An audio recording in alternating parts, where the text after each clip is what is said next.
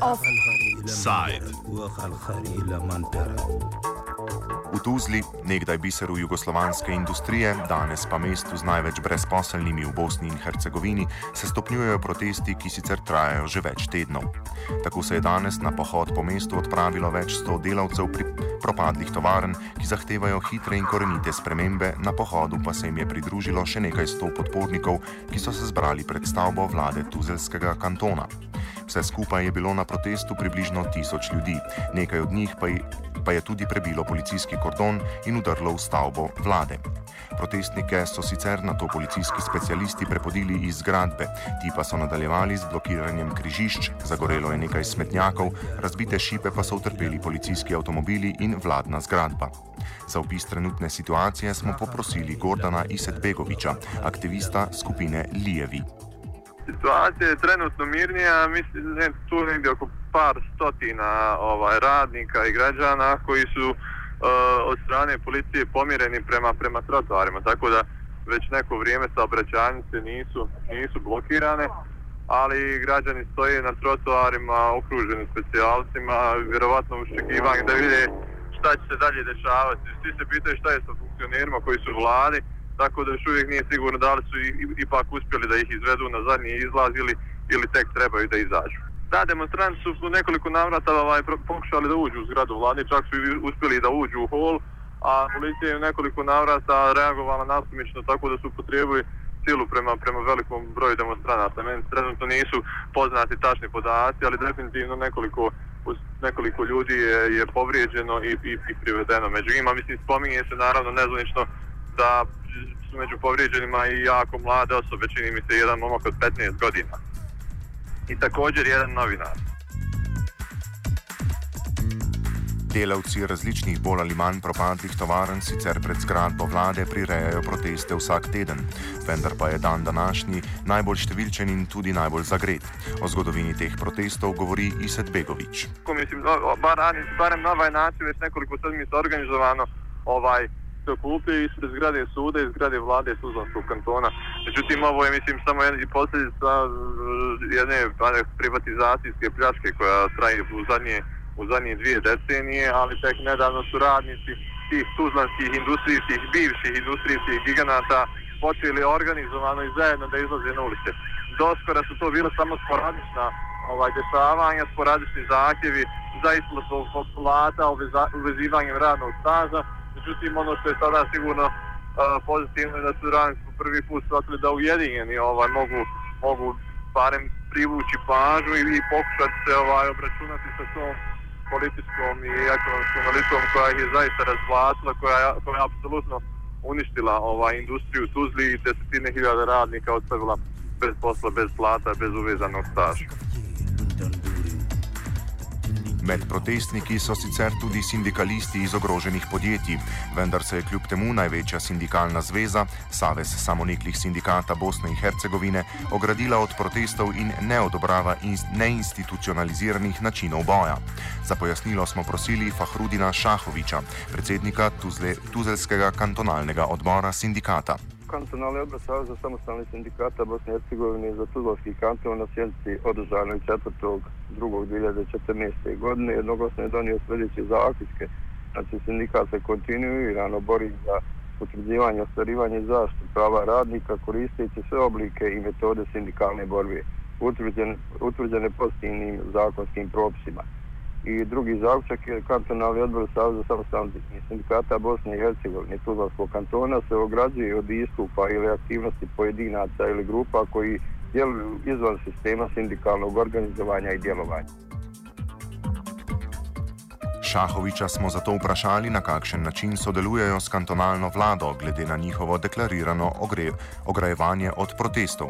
Govori Šahovič. Nacionalni odbor sistematski kontinuirano radi na rješavanju izuzetno inače izuzetno teške situacije. To nije ovaj od prije dan i mjesec dana, to traje već par godina i mi smo u desetom mjesecu prošle godine na našu inicijativu uspjeli ovaj, izvjestovati da se održi skupš, kantonalna skupština tematska na kojoj je bilo jedna točka dnevnog reda stanje u privredi Tuzlanskog kantona sa mjerama ovaj, za prevazilaženje istoga. Znači, mi smo bili inicijatori, mi cijelo vrijeme ovaj, radimo na stvaranju ambijenta povoljnijeg kako bi privreda i, i, izašla iz ovakve teške krize. Uh, ovih dana, ovaj, da kažemo, finiširamo taj dio ovaj razgovora sa socijalnim partnerima i radimo na izradi tih mjera, kratkoročnih, srednjoročnih i dugoročnih mjera kako bi ovo stanje u privredi se pomaklo sa mrtve tačke. Stanje industrije v Tuzli in okolici je sicer zelo slabo. Protestom načeljujejo delavci iz tovarn, ki so se v različnih fazah ki so vse, se upravičujem, ki so vse v različnih fazah privatizacije, nekatere pa tudi že v naslednji fazi, to je stečaju. Dita, tovarna detergentov, je tako po privatizaciji v stečajnem postopku.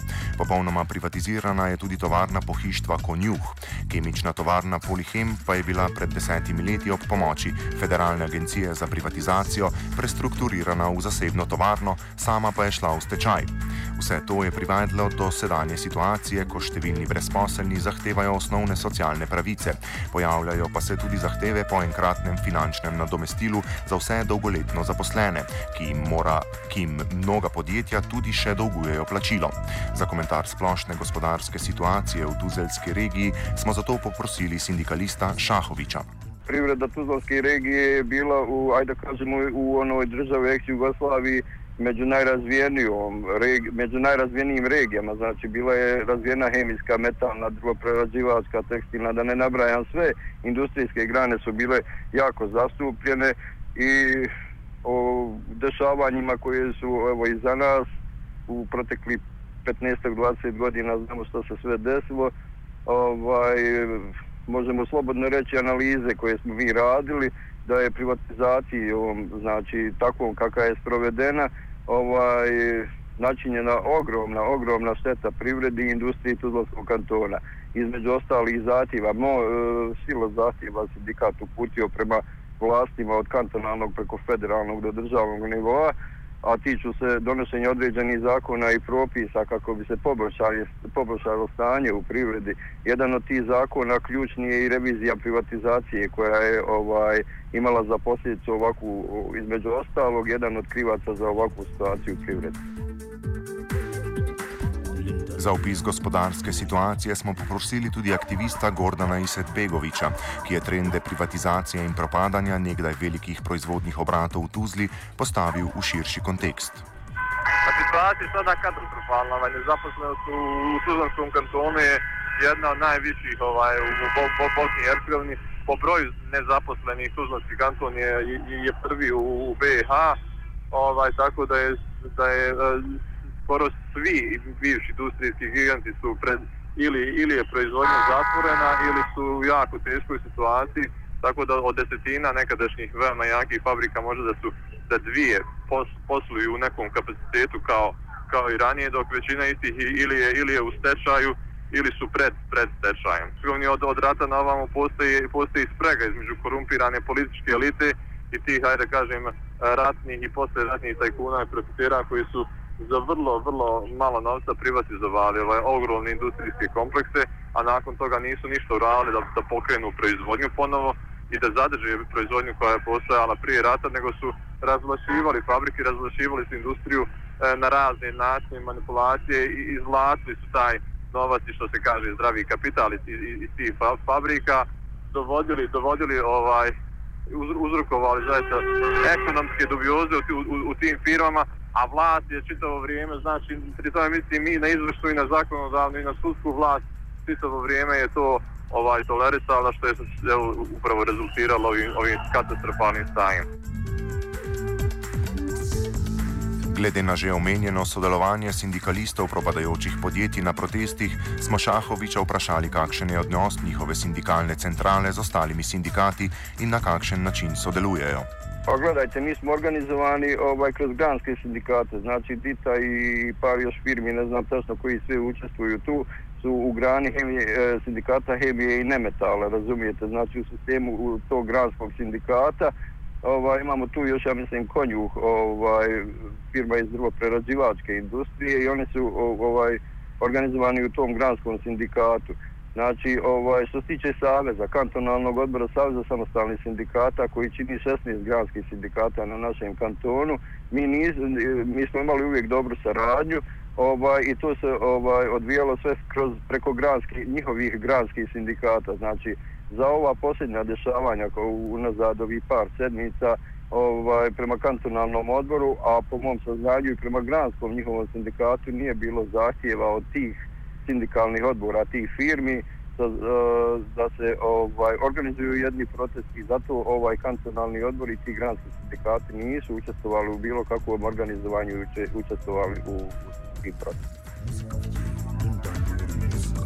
Za konec smo Iset Begoviča poprosili še za komentar delovanja sindikatov v Tuzli ter Bosni in Hercegovini nasploh.